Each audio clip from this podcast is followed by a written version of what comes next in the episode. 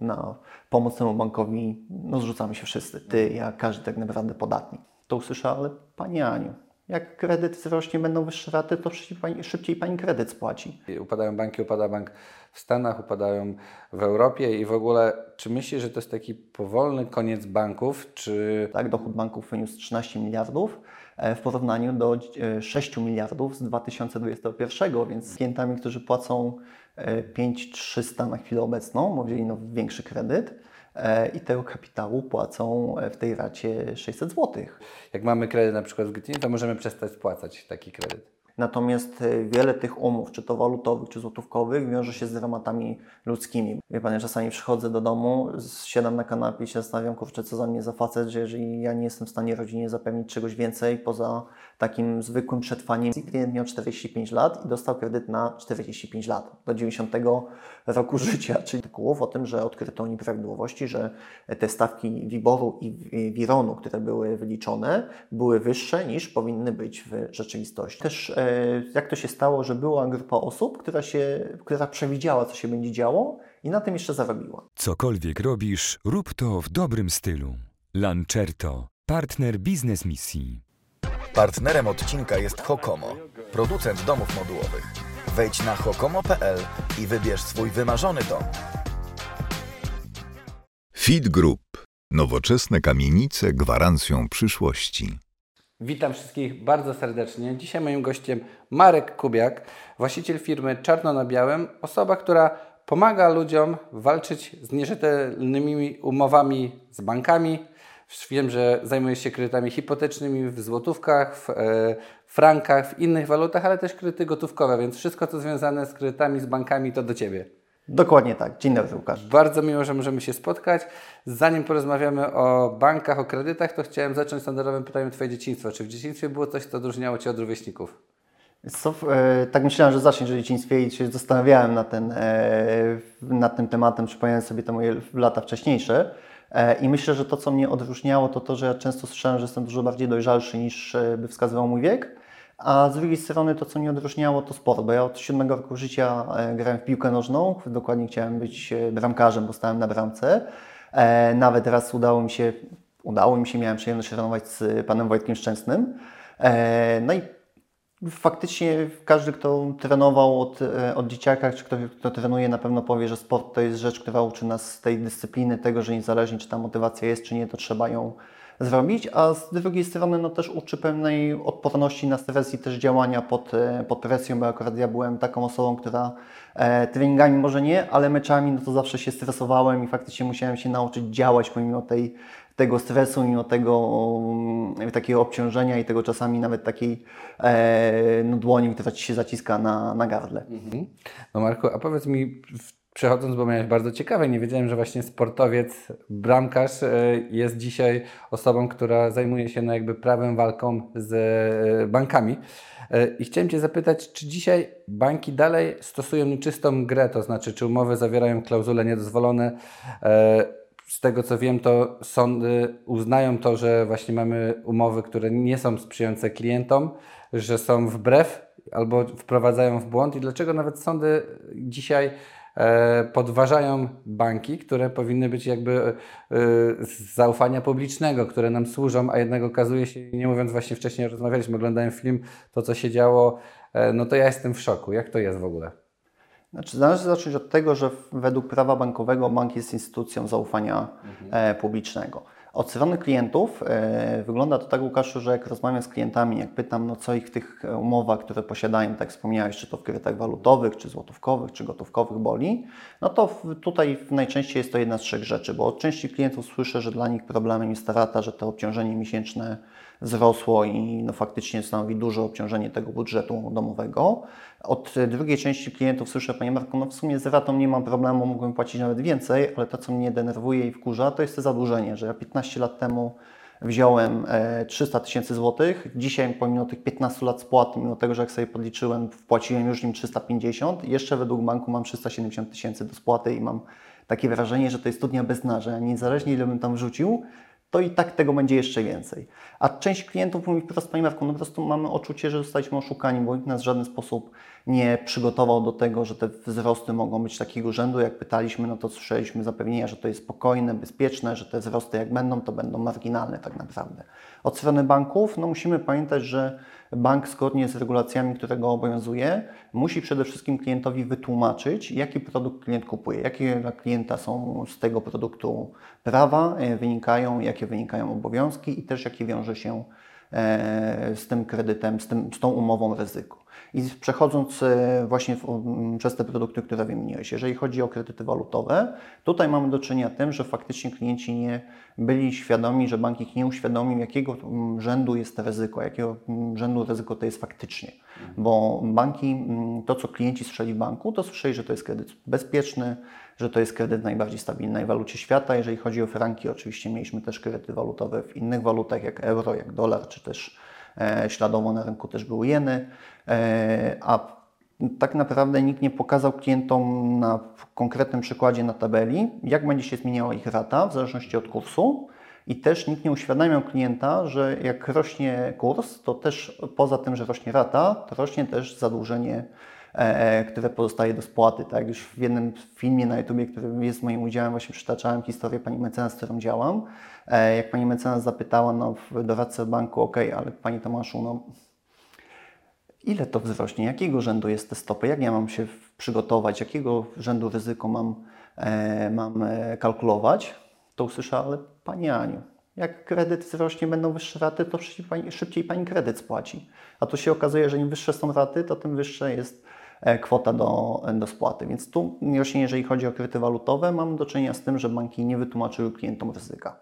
Druga kwestia to jest to, że też e, banki miały pełną dowolność w ustaleniu kursów, po jakim były wypłacone klientom pieniądze i też kursów, po jakim e, klient spłacał te pieniądze, bo tak naprawdę zdecydowana większość klientów tych franków nigdy nie, nie widziała. Klienci otrzymywali złotówki, później spłacali złotówki. Dopiero od 2011 roku po wejściu ustawy antyspreadowej e, dano tą możliwość, że każdy klient może sobie bezpłatnie otworzyć konto walutowe, no i kupować franki, czy to w kantorze internetowym, czy to w kantorze e, takim stacjonarnym w swoim, w swoim mieście, mm, e, czy w miejscowości, w której mieszka. Jeżeli chodzi o kredyty złotówkowe, no to tutaj mamy do czynienia E, Oprócz właśnie z tego, że często banki nie wywiązywały się także z tych obowiązków odnośnie e, informacyjnych, odnośnie ryzyka, to mamy też wątpliwości odnośnie WIBOR-u, bo tak naprawdę sposób ustalania WIBOR, e, stawki WIBOR jest niezgodny z regulacjami Unii Europejskiej.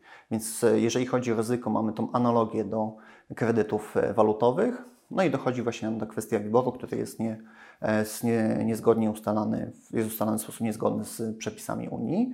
Jeżeli zaś chodzi o kredyty gotówkowe, to tutaj mamy e, jako podstawę ustawę o kredycie konsumenckim, która określa, jakie warunki, jakie cechy umowa musi posiadać, żeby być ważna i jeżeli e, umowa, którą klient posiada, nie spełnia tych cech, to klient ma podstawę do, do walki i do działań. Mhm, no to zdecydowanie, jak Ciebie słucham, to trochę dobrze, że dzisiaj jesteśmy świadomi, że ktoś się wziął za te banki trochę, no bo przecież jakby i bank, i klient powinien mieć ten sam cel. Ktoś chce kupić mieszkanie, oczywiście bank może zarobić, ale na uczciwych zasadach, nie? Bo to, to jest tak, jak mówisz, y, banki są zaufania e, publicznego, więc jednak tutaj ktoś powinien nad tym brać pieczę, że nie ma, że nie sky is the limit, tylko mamy jakieś procedury, a to jednak widać, że nie działało i w związku z tym moje pytanie, czy myślisz, że... Proszę, Ci wejdę w słowo, tak się uśmiecham, jak powiedziałeś odnośnie tego sky is the limit, bo właśnie jeżeli chodzi o to ryzyko, to prawidłowe pouczenie o, ryzyk, e, o ryzyku klienta wygląda tak, że klient w umowie, czy to złotówkowej, czy, czy frankowej, czy walutowej,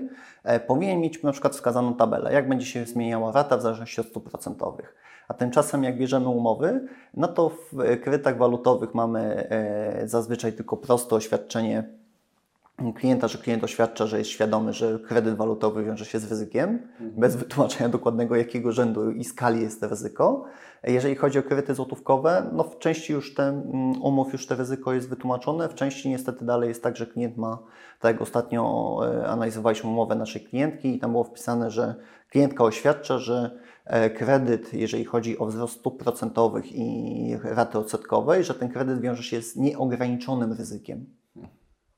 No jest zdecydowanie, e, no coś poszło nie tak. A powiedz mi w takim razie, bo teraz to, co się dzieje w na, na rynku wszyscy o tym mówią, że upada banki, upadają banki, upada bank w Stanach, upadają w Europie i w ogóle, czy myślisz, że to jest taki powolny koniec banków, czy e, no bo chyba dzisiaj banki mają poważne problemy i, i to nie tylko właśnie przez kredyty hipoteczne, tylko w ogóle na arenie międzynarodowej i wiele osób pyta, czy taka lawina, która zaczęła się pewnie w Stanach, może roznieść się też na Polskę.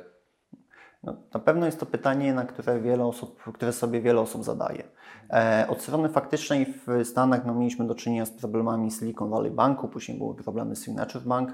E, jeżeli chodzi o Europę, no to mieliśmy sytuację z Credit Suisse, o której bardzo dużo, e, o której bardzo dużo wiadomości nas, do nas dochodziło i też bardzo wiele osób tym, tym żyło. Finalnie skończyło się to w ten sposób, że E, jeżeli chodzi o Stany Zjednoczone, tam rząd z, do spółki z Fedem podjął decyzję o gwarancji depozytów, więc każdy może ten depozyt wypłacić, nawet jeżeli jego e, wysokość jego depozytu przekracza tą nominalną e, wysokość, nominalny limit gwarancyjny.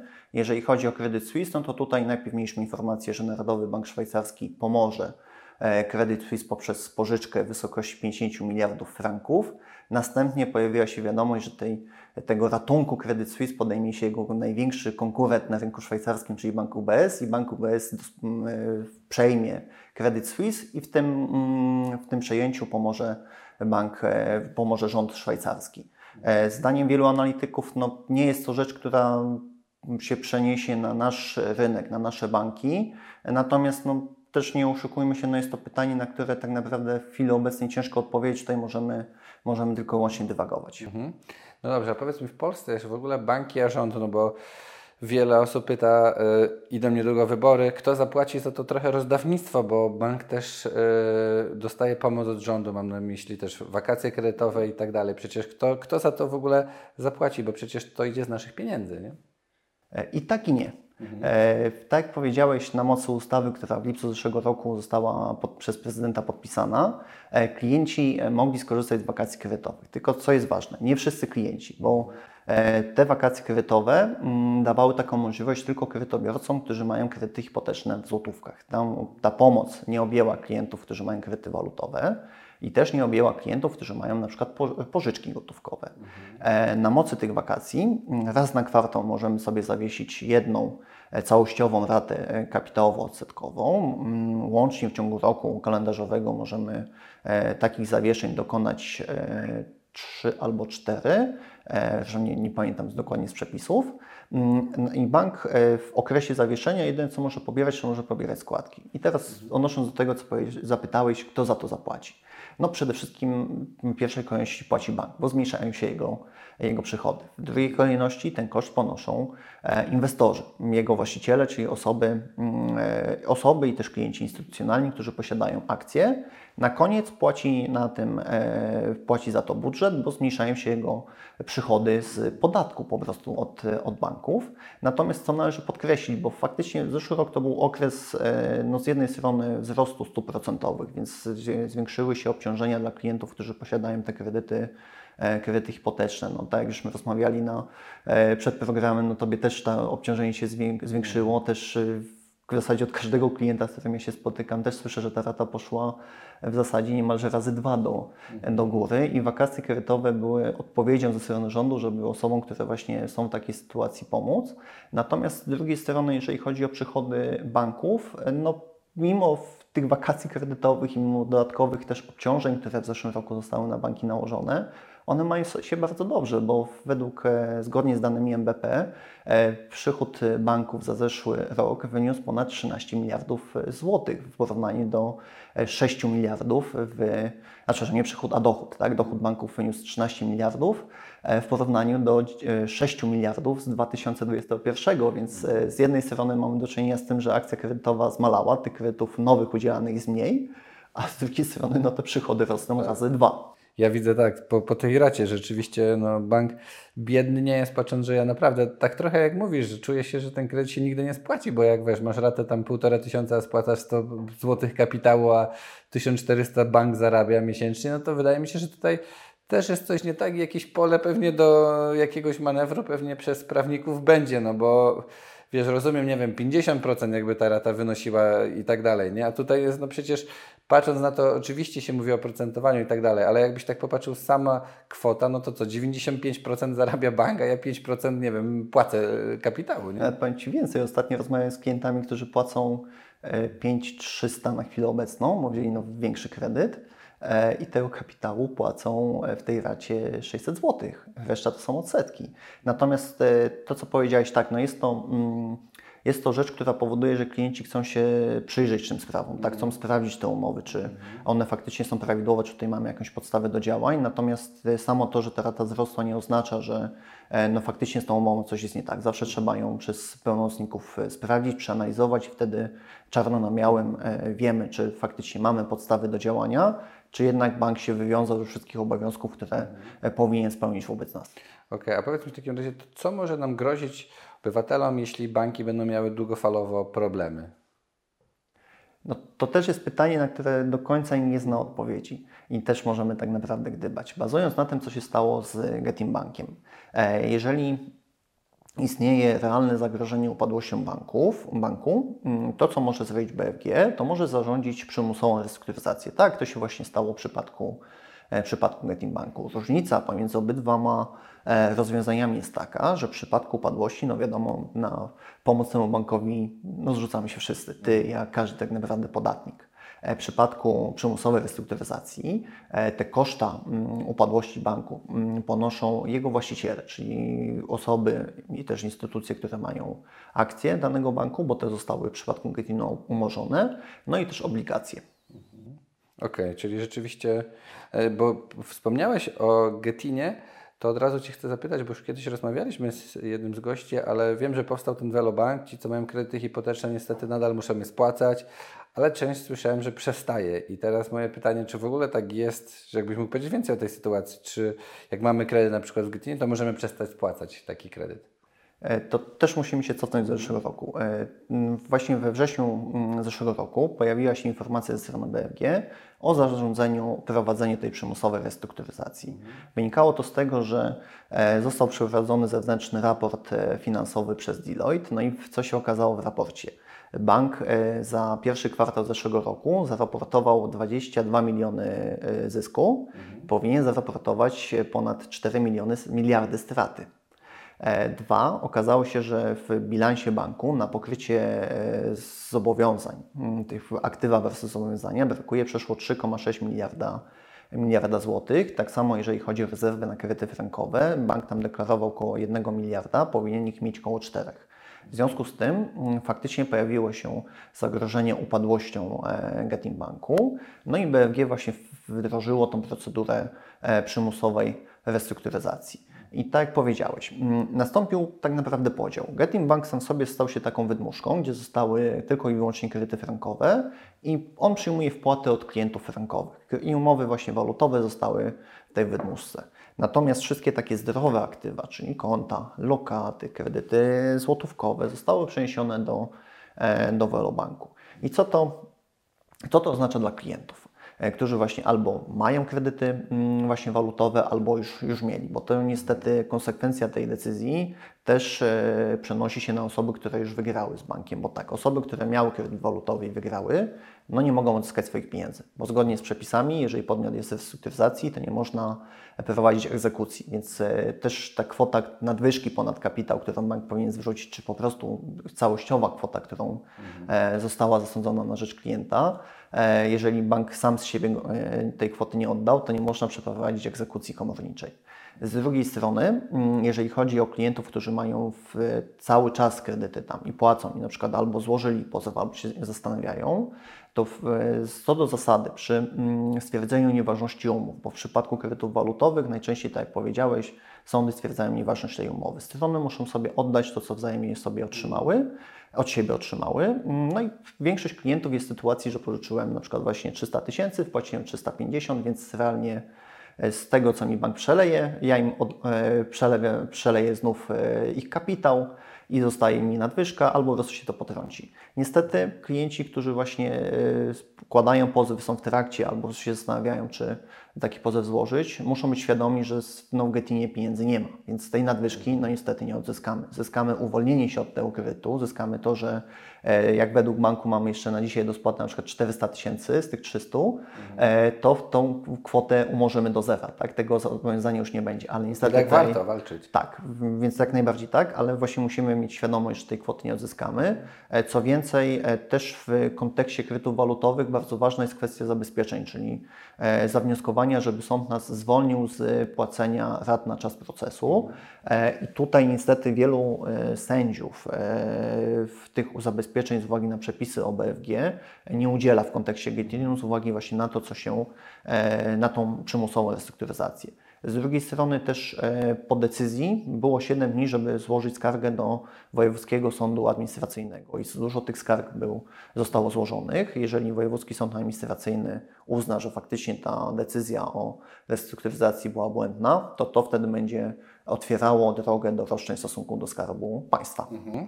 Tak, jak Ciebie słucham, to też chciałem zapytać o taki aspekt y, psychologiczny tych całych sytuacji, bo też właśnie wczoraj nawet, tak jak mówię, oglądałem ten film, gdzie e, chyba nazywał się Banksterzy właśnie i tam było, że naprawdę tam chyba 30 tysięcy osób zostało y, eksmitowanych. No straszne historie. Czy Ty oczywiście możesz przybliżyć, bo no tak z podwórka jak się pracuje, tego się nie słyszy, ale to chyba były naprawdę ludzkie dramaty przez no nie wiem czy naiwność, ale no przez to, że się nie czytało umowy, ale no trochę te banki spowodowały, że naprawdę no ci, ci ludzie mieli ogromne problemy. Znaczy, nie powiedziałbym, że przez to, że się nie czyta umów, bo te umowy były tak skonstruowane, że y, osoba, która no nie ma z tym na co dzień styczności, no tak naprawdę nie jest w stanie zro- zrozumieć większości zapisów, bo one są e, skonstruowane w wiadomo sposób prawniczy, sposób bankowy, z językiem, którym, którym ty, ja czy, czy osoby, które nie, nie zajmują się tym, no nie mają styczności tak naprawdę. Dwa, no żyjemy w czasach, gdzie mamy też wąską specjalizację tak naprawdę. Większość osób się skupia po prostu na, ma wiedzę, ma kompetencje w danym obszarze i to jest ten obszar, który, e, na którym się znają i są w stanie faktycznie wszystko zrozumieć i, e, i się odnaleźć. No tutaj, jeżeli chodzi o bankowość, no to też jest to obszar, gdzie no jednak e, no nie każdy się w tym specjalizuje i dlatego właśnie są te przepisy, które e, s- powodują, że bank ma obowiązek wytłumaczenia nam jakie ryzyka się wiążą, jakie są opłaty, jakie są, e, jakie są obowiązki. Tak jak wspomniałeś, tak, no, o tym się tak naprawdę na co dzień nie myśli, nie mówi, natomiast e, wiele tych umów, czy to walutowych, czy złotówkowych, wiąże się z dramatami ludzkimi, bo czy to mówimy po prostu o stresie, tak jak to słyszę od klientów, e, na zasadzie, Panie Marku, no, tak często mi klienci mówią, mężczyźni, że Panie Marku, no, Wie pan, ja czasami przychodzę do domu, siadam na kanapie i się zastanawiam, kurczę, co za mnie za facet, że jeżeli ja nie jestem w stanie rodzinie zapewnić czegoś więcej poza takim zwykłym przetrwaniem miesiąca do miesiąca, że zarabiam na to, żeby zapłacić za e, ratę kredytu, za dom i tak naprawdę nic więcej z tego nie ma. Z drugiej strony no, są osoby, które już faktycznie były mm, tragedie, tak jak powiedziałeś, bo no, miałem przypadek, e, w zasadzie wiele przypadków e, spotkać się z klientami, którzy musieli ogłosić upadłości konsumenckie z uwagi na na to, jak te zadłużenie wzrosło. Nawet w zeszłym tygodniu rozmawiałem z e, swoim znajomym i też e, mówi Marek, no kurczę, faktycznie o tym się nie mówi, ale mój brat e, no, wziął kredyt frankowy, ta rata poszła w górę razy tam chyba 2,5, jeżeli dobrze pamiętam. E, no i niestety musiał ogłosić upadłość konsumencką, bo doszło do tego momentu, że no nie był w stanie tak naprawdę e, przy żonie, przy dwójce dzieci zarobić tyle, żeby e, i utrzymać rodzinę, i utrzymać ten kredyt. Więc niestety musiało to pójść w kierunku upadłości konsumenckiej. Z drugiej strony, tak, no też są osoby, które niestety e, pod wpływem tego całego stresu związanego z tym, że się martwić co miesiąc, o ile ta rata wzrośnie, czy będziesz miał na pieniądze na pokrycie tego zobowiązania, no niestety mm, e, tutaj albo popełniły samobójstwo, albo popadły w e, po prostu choroby. Mhm. Zdecydowanie, no jak się to słucha. A masz jakiś taki przypadek jakiegoś takiego największego, no nie wiem, nie wiem czy to można nazwać przekrętu, nie przekrętu, ale największego kredytu, że ktoś wziął, nie wiem, powiedzmy 100 tysięcy, miał oddać ileś tam, nie? X, to znasz jakąś taką sytuację? Czyli miałem klienta, który skorzystał, bo jeżeli chodzi o kredyty walutowe, e, to jeden z banków w tamtym okresie miał taką ofertę kredytu na oświadczenie, że nie badało się w ogóle e, papierów odnośnie zdolności, czy ty masz zdolność, czy nie, tylko podpisywałeś oświadczenie, że cię stać na ratę na przykład 5000 zł, żeby płacić. E, I dostawałeś kredyt na podstawie tego oświadczenia. Oczywiście on był dużo wyżej oprocentowany niż taki normalny kredyt, z, z, z, z, e, gdybyś pokazał wszystkie dokumenty. No i tutaj historia była taka, że klient pożyczył milion złotych. E, Po wzrostach e, no ta kwota do oddania po tym, jak kurs franka poszedł do góry, no to jego kapitał się zwiększył do 3,5 miliona złotych. I w ogóle, e, co było najbardziej absurdalne w tej sytuacji, klient miał 45 lat i dostał kredyt na 45 lat, do 90 roku życia, czyli jeszcze przez 20 lat na emeryturze, gdzie no w zasadzie wszyscy wiemy, że na emeryturze te dochody, jeżeli sami o to nie zadbamy, nie zabezpieczymy się w jakiś sposób, no to lecą prostu na szyję. E, no jeszcze będzie, mógłby zobowiązany e, ten kredyt spłacać. Szok, no to ja naprawdę. No coś nie tak jest z tymi bankami i to dobrze, właśnie cały czas jak Cię słucham, to już to któryś temat, że rzeczywiście dzisiaj mamy tą świadomość, że przynajmniej w przyszłości, jeśli weźmiemy ten kredyt, to będzie w takich warunkach fair, że będzie nas stać, bo będziemy wiedzieli, że go spłacać. I Możemy, że będziemy mogli zarobić, bo no ja sobie nie wyobrażam, żebym miał kredyt miliona na 3,5, więc e, no, to zdecydowanie wiele ludzi po prostu no, nie ma z czego spłacić. No, nie jesteś w stanie wziąć, biorąc tak duży kredyt, a dzisiaj milion złotych, no to jest trzy pokoje w Warszawie, nie? więc patrząc na to, to nie jest jakiś No, duży u kredyt. mnie na Ochocie nawet za milion złotych dwa pokoje ostatnio sprzedawali w e, świeżo wykończonym bloku. No właśnie. A myślisz dzisiaj w ogóle, bo tak mm, też jesteśmy przy kredytach, to dalej ludzie biorą właśnie takie duże kredyty i, i w ogóle biorą, wiadomo, że mówi się, że spadły, ale mimo wszystko chyba dalej ludzie biorą kredyty na nieruchomości, nie? Nie jest to do końca moja branża, bo raczej e, do mnie przychodzą klienci, którzy Już mają problemy. E, którzy, znaczy, którzy już zaciągnęli kredyt w przeszłości w ten sposób. Natomiast e, faktycznie zgłaszają się do nas osoby, które e, otrzymują umowy przed jej podpisaniem, żebyśmy sprawdzili, czy z tą umową jest wszystko ok. I faktycznie widzimy, że takich zgłoszeń właśnie pod kątem e, Pani Marku podpisuję za chwilkę umowę, chciałbym mieć pewność, że z tą umową jest wszystko w porządku, czy mogli Państwo ją sprawdzić. Faktycznie w ostatnim czasie tych zgłoszeń pod tym kątem jest mniej. Okej, Okej. a powiedz mi w takim razie, bo jest też, i sprawdziłem na rynku wiele firm, co chce nam pomóc walczyć, ale na to też zwrócić uwagę przy podpisywaniu takiej umowy współpracy. Czytałem właśnie gdzieś też, że są firmy, które też mają zapisy niezgodne z UOKiK-iem, więc też ludzie czasami z deszczu pod rynnę, nie? żeby nie trafili. Tak. Należy zacząć od tego, że po wyroku w sprawie państwa Dziubak, czyli w 2019 19 roku, w październiku 2019 roku, e, w 2020, jak ilość pozwów zaczęła się zwiększać, zaczęła się zwiększać ilość też wygranych i się ukształtowała ta linia orzecznicza, że jednak zdecydowaną większość, bo na chwilę obecną no ponad 95% spraw jest wygrywana przez klientów.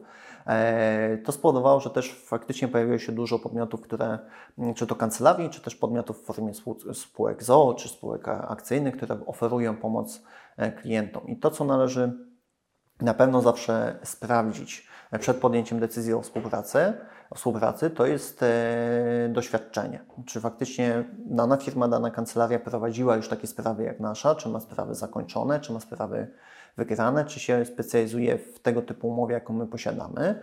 To jest bardzo ważne też w kontekście zmiany, która za chwilę nas czeka, bo na chwilę obecną pozew możemy złożyć według siedziby banku e, albo według swojego miejsca zamieszkania. Na chwilę obecną mm, na podpis, y, do przedłużenie do podpisu prezydenta czeka zmiana kodeksu postępowania, która będzie powodowała to, że pozew będziemy może, mogli złożyć tylko według miejsca e, zamieszkania, e, zamieszkania klienta, co spowoduje, że te sprawy, z, gdzie na chwilę obecną większość spraw się składało w Warszawie, gdzie sędziowie mieli duże doświadczenie z tego typu sprawami, rozleją się po całej Polsce.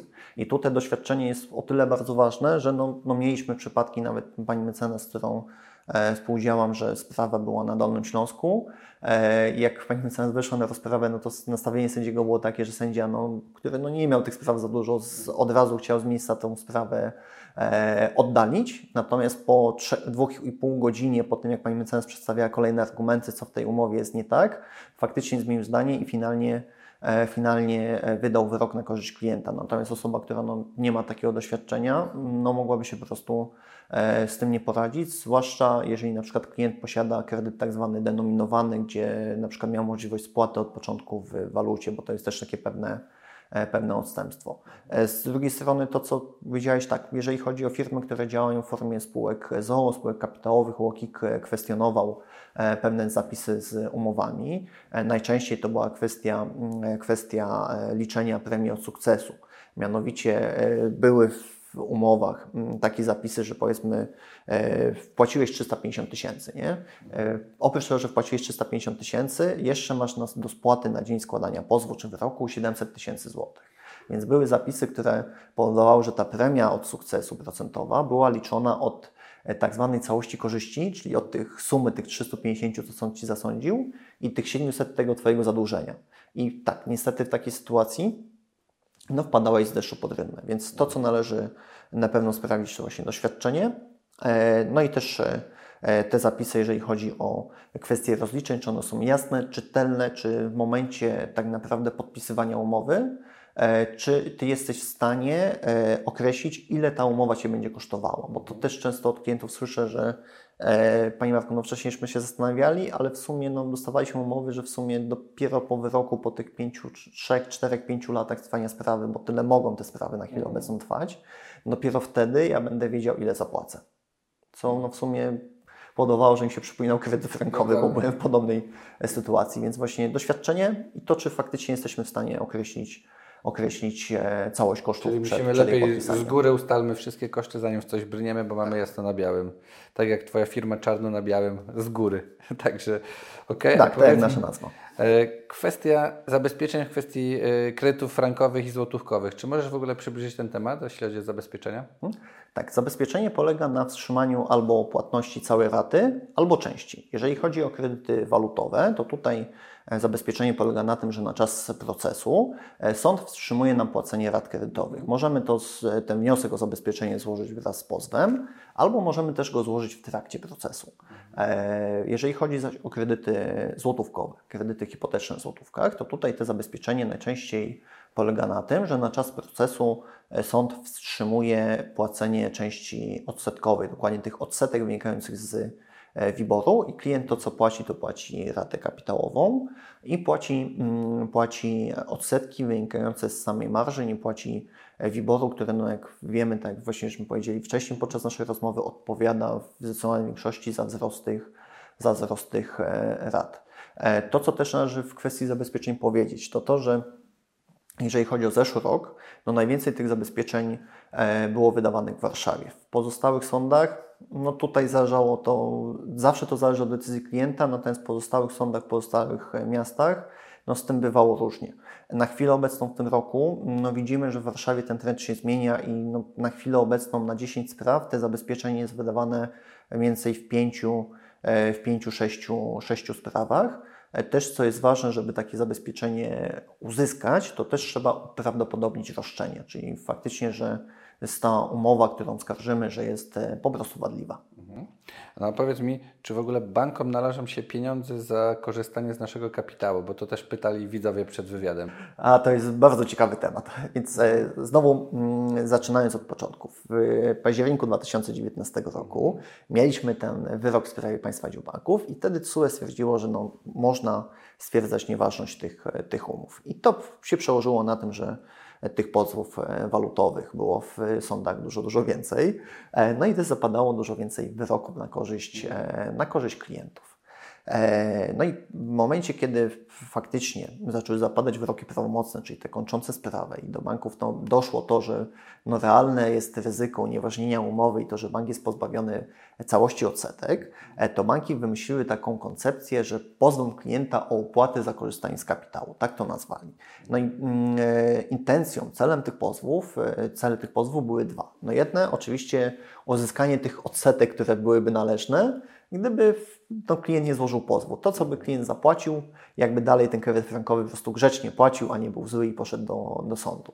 Z drugiej strony, no na pewno mm, chodziło też o zmniejszenie, zmniejszenie liczby pozwów, bo też tak jak rozmawiam z klientami, no jest, jest duża grupa klientów, która się zastanawiała albo dalej się zastanawia nad tym, czy ten pozew złożyć, ale jak usłyszeli w radiu, w telewizji, przeczytali w internecie, na przykład Magnas teraz pozwie o 300 tysięcy złotych, to sobie myślą, to nie, ja wolę sobie spokojnie tą ratę płacić, w sumie ona nie jest taka duża, poczekam aż to się wyjaśni do, e, do końca. I teraz ta sprawa, mm, ta sprawa w zeszłym roku trafiła do Trybunału Sprawiedliwości Unii Europejskiej. W zeszłym roku mieliśmy rozprawę przed Trybunałem. E, też tej, w tej sprawie wiele organów poza stronami przedstawiło swoje opinie. I co jest ciekawe, opinia naszego rządu, Komisji Europejskiej e, była po stronie klientów, że bankom się coś takiego nie należy, tylko KNF bronił tego prawa banków do, do e, tego zarobku, do, do tego wynagrodzenia. W lutym mieliśmy opinię Rzecznika Generalnego TSUE pana Collinsa i teraz oczekujemy na wydanie wyroku. Natomiast sama opinia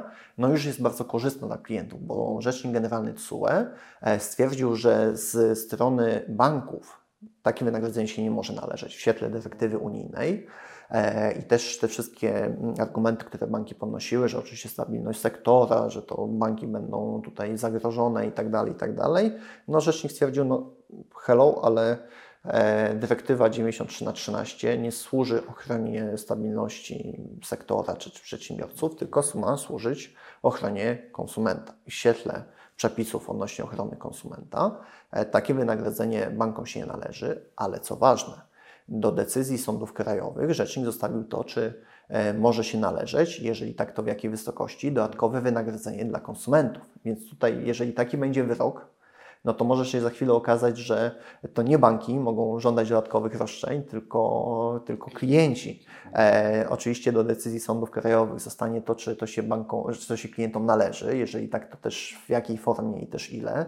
E, bo na chwilę obecną no nie wiemy, co powie e, tryb, finalnie Trybunał, no i też co powiedzą polskie sądy, czy na przykład jeżeli Trybunał E, poprze stanowisko e, rzecznika i taki wyda wyrok, to czy polskie sądy, nie wiem, uznają, że klientom jest należne jakieś odszkodowanie, mhm. jakaś waloryzacja, czy po prostu opłata za korzystanie z tych pieniędzy, które klienci bezpodstawnie po prostu mhm. wpłacali przez te 15 lat, no to zobaczymy po wydaniu wyroku. Mhm. A to jeszcze jak jesteśmy przy tym temacie CUE, to muszę Cię zapytać, może temat trochę niezwiązany z tym, co robisz, ale wczoraj był bardzo tutaj klient, pytali widzowie przed wywiadem, że E, darowizny od rodziców i było właśnie wyrok, że jak nie wpłacisz przekazem pieniężnym, tylko gotówko dostaniesz od rodzica i wpłacisz sobie na konto, to sąd, to, to Urząd Skarbowy może podważyć i płacić podatek. I dla mnie pytanie właśnie widzów było, jeśli CUE wydał jakiś wyrok, to to jest wyrocznia, czy zawsze indywidualnie możesz podchodzić do warunków, że Czyli jak w ogóle jest w praktyce? Jeśli gdzieś jest wyrok CUE, no to idziesz do sądu i masz podobne, bo ktoś się tym podpiera, czy też może być zupełnie inny wyrok? Znaczy tak, u nas no nie ma prawa precedensu, więc zawsze do decyzji e, ocena danej sytuacji zależy od decyzji konkretnego sędziego, który jest przydzielony do sprawy i sprawę prowadzi. Niewątpliwie patrząc po, po sprawach właśnie kredytów walutowych, e, wyroki TSUE no, są taką wskazówką, którą jednak większość sędziów stosuje i wydaje wyroki zgodne z, z tym, natomiast e, cały czas mamy tą niezawisłość sędzio, sędziowską i to, że sędziowie zawsze tutaj indywidualnie tę decyzję podejmują. Okej, okay, rozumiem. Czyli jest to jakaś wskazówka, ale może być inaczej, ale no jest to bardzo ciekawe, bo to właśnie już niezawisłość sądów to całkiem inny temat na, na dłuższe rozmowy, ale powiedz mi jeszcze kredyty złotówkowe, czy Myślisz, że też będzie lawina pozwów. Wiem, że u Ciebie już jest dużo klientów, ale co dzisiaj możemy zrobić i czy mamy na to wpływ? Bo tak jak mówiliśmy, tak jak ja, ja na przykład też jestem zły, że mam tak mało spłacam kapitału, tak dużo odsetek. I czy jest coś, co już dzisiaj, czy, czy trzeba jeszcze poczekać, jak to się rozwinie? Co Ty polecasz? Co, no, to jest zawsze decyzja, którą, którą musi podjąć klient. Jeżeli chodzi o kredyty złotówkowe, no to faktycznie e, moim zdaniem ta liczba tych pozwów z każdym miesiącem będzie się zwiększać, bo też widzimy u nas, że ta liczba klientów, która się zgłasza właśnie pod kątem chęci przeanalizowania swojej umowy, e, umowy złotówkowej, e, też jest coraz większa i coraz więcej klientów właśnie decyduje się na złożenie, e, złożenie pozwu. No, niestety jest to pokłosie tego, że banki e, po tym jak wybuchł w 2012 roku problem frankowy, bo pierwszy pozew frankowy był, nie wiem czy wiesz, złożony w 2012. I przez długi, długi czas banki ten problem wypierały, twierdząc, że racja jest po ich stronie, że widziały gały, co brały, że jak podpisałeś, to musisz spłacać i tak dalej, i tak dalej. Myślę, że każda osoba, która gdzieś tam tym tematem się interesuje, widziała w internecie te wszystkie wpisy na, czy to w artykułach, czy na różnych, e, na różnych forach. No i dopiero właśnie po 2019 roku, w 2020, jak mm, właśnie ta linia orzecznicza się wyklarowała, jak zaczęły zapadać wyroki na korzyść klientów, do banków zaczęło dochodzić, że faktycznie mogą z klientem przegrać. I to spowodowało to, że te umowy złotówkowe no już zaczęły być modyfikowane. Faktycznie mamy, e, mamy do czynienia z umowami, gdzie na przykład pod kątem ryzyka banki się wywiązały, jeżeli chodzi o całe obowiązki e, obowiązki informacyjne. Natomiast są umowy wcześniejsze, gdzie no często banki tego nie zrobiły. Oczywiście zawsze trzeba indywidualnie to ocenić, tak? czy spojrzeć w umowę, spojrzeć w załączniki, czy, czy tutaj nastąpiło to wywiązanie się z obowiązków informacyjnych, czy nie. Natomiast z drugiej strony, oprócz właśnie tej kwestii obowiązków informacyjnych, dalej mamy kwestię WIBOR-u. Bo tak, WIBOR sam z siebie to jest stawka, po jakiej banki sobie pożyczają pieniądze.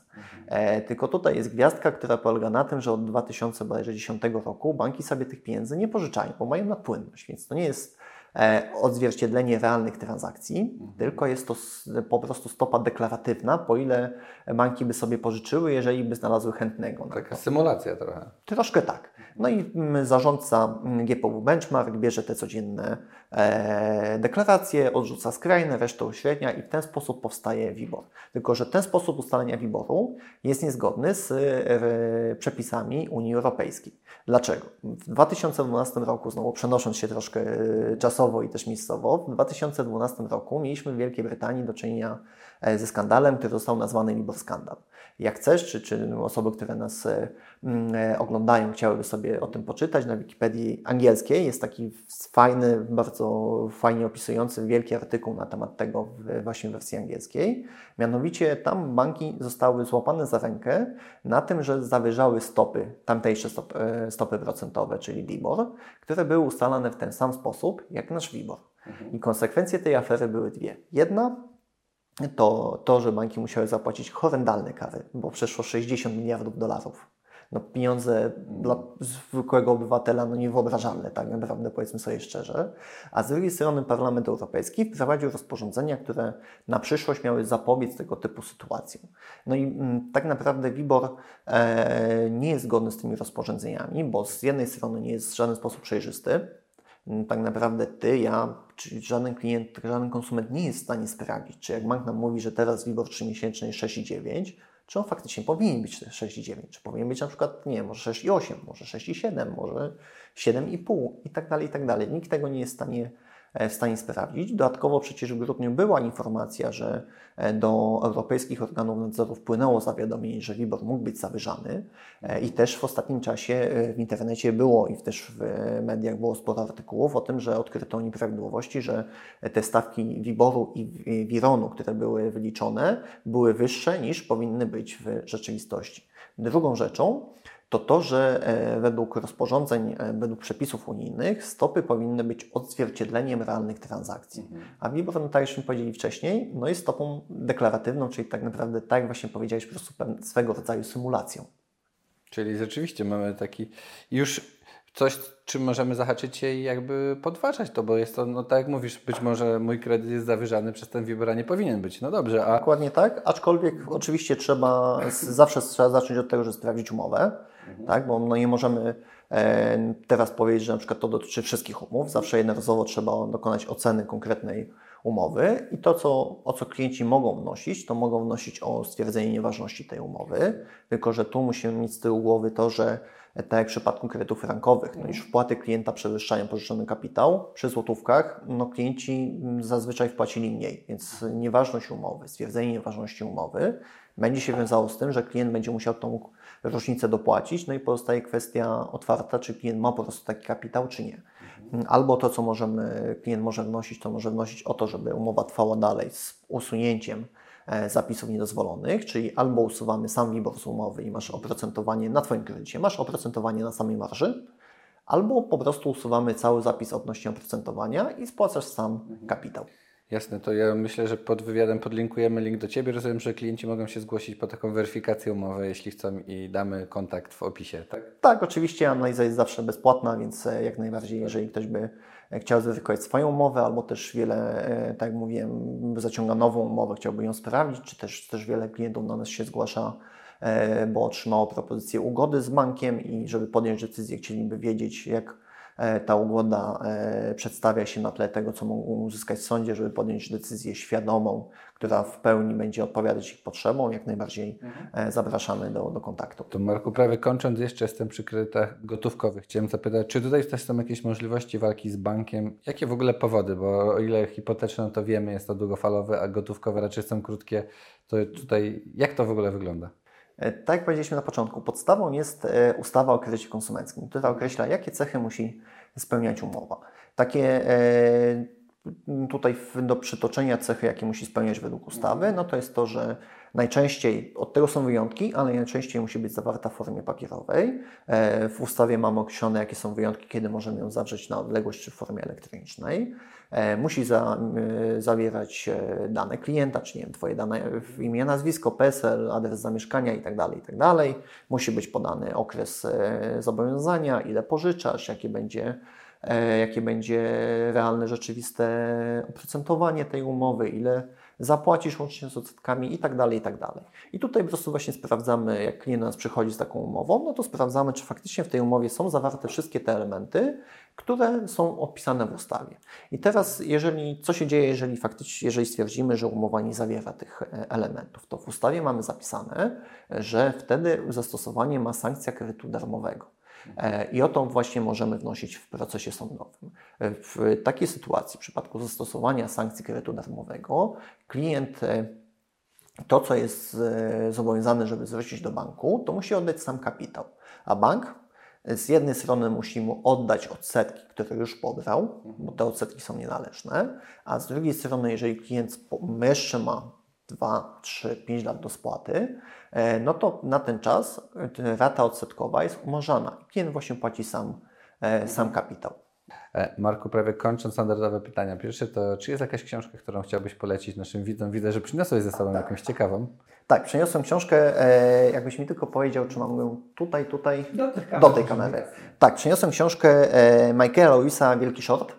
Myślę, że wiele osób mogło e, oglądać ekranizację, na, która jest na Netflixie chociażby dostępna z samą plejadą gwiazd. E, jest to i film, i książka traktuje o kryzysie z e, 2008 roku. Dlaczego on mm, wybuchł, jakie były, e, jakie były mm, poszczególne etapy. No i też e, jak to się stało, że była grupa osób, która, się, która przewidziała, co się będzie działo i na tym jeszcze zarobiła. E, Film jest świetny, książka jest jeszcze lepsza. E, Polecam, bo z jednej strony napisał ją Michael Lewis. Michael Lewis to jest autor, który napisał wiele naprawdę świetnych książek. On też napisał chociażby e, Moneyball, na podstawie której była ekranizacja z Bradem Pittem. To myślę, że na pewno kojarzysz. On też napisał, e, opisał historię Wielkiego Majka, gdzie później była ekranizacja z Sandrą Bullock i Sandra Bullock chyba dostała nawet Oscara. Mm, I Michael Lewis, to co mnie zawsze, dlaczego ja lubię czytać te książki, on ma bardzo fajne, lekkie pióro i ma bardzo dużą taki talent w tłumaczeniu w sposób bardzo przystępny e, zawiłych kwestii. I faktycznie te wszystkie kwestie e, odnośnie tego kryzysu, te wszystkie takie pojęcia finansowe są tak przedstawione, że to się czyta w zasadzie w jeden, dwa wieczory, bo książka licznie nie jest e, długa, bo ma raptem chyba 297-298 stron E, i naprawdę, jeżeli dla kogoś jest to interesujące, skąd się ten kryzys wziął i gdzie właśnie tutaj no, banki nie wywiązały, nie dopełniły wtedy swoich obowiązków, to naprawdę polecam. Ekranizację też polecam, bo też jest, e, też jest świetna, ale akurat ja zawsze wolę wersję papierową. Super, bardzo też polecamy. I standardowe pytanie, czy jest coś, co chciałbyś przekazać naszym widzom? Tak. E, To, co chciałem przekazać, no, Szanowni Państwo, jesteśmy w okresie, gdzie mamy, jeżeli chodzi o kredyty złotówkowe, walutowe, e, zewsząd mamy bardzo dużo informacji i te informacje są często bardzo sprzeczne, bo z jednej strony słyszymy, że na przykład wyrok TSUE jest pozytywny dla klientów, a z drugiej słyszymy, że tak naprawdę nie i że to jest kolejna furtka dla e, dla banków. Więc e, jeżeli Państwo posiadacie taki kredyt, albo też posiadaliście, bo jak spłaciliście kredyt, to też e, często się okazuje, że możemy dochodzić roszczeń.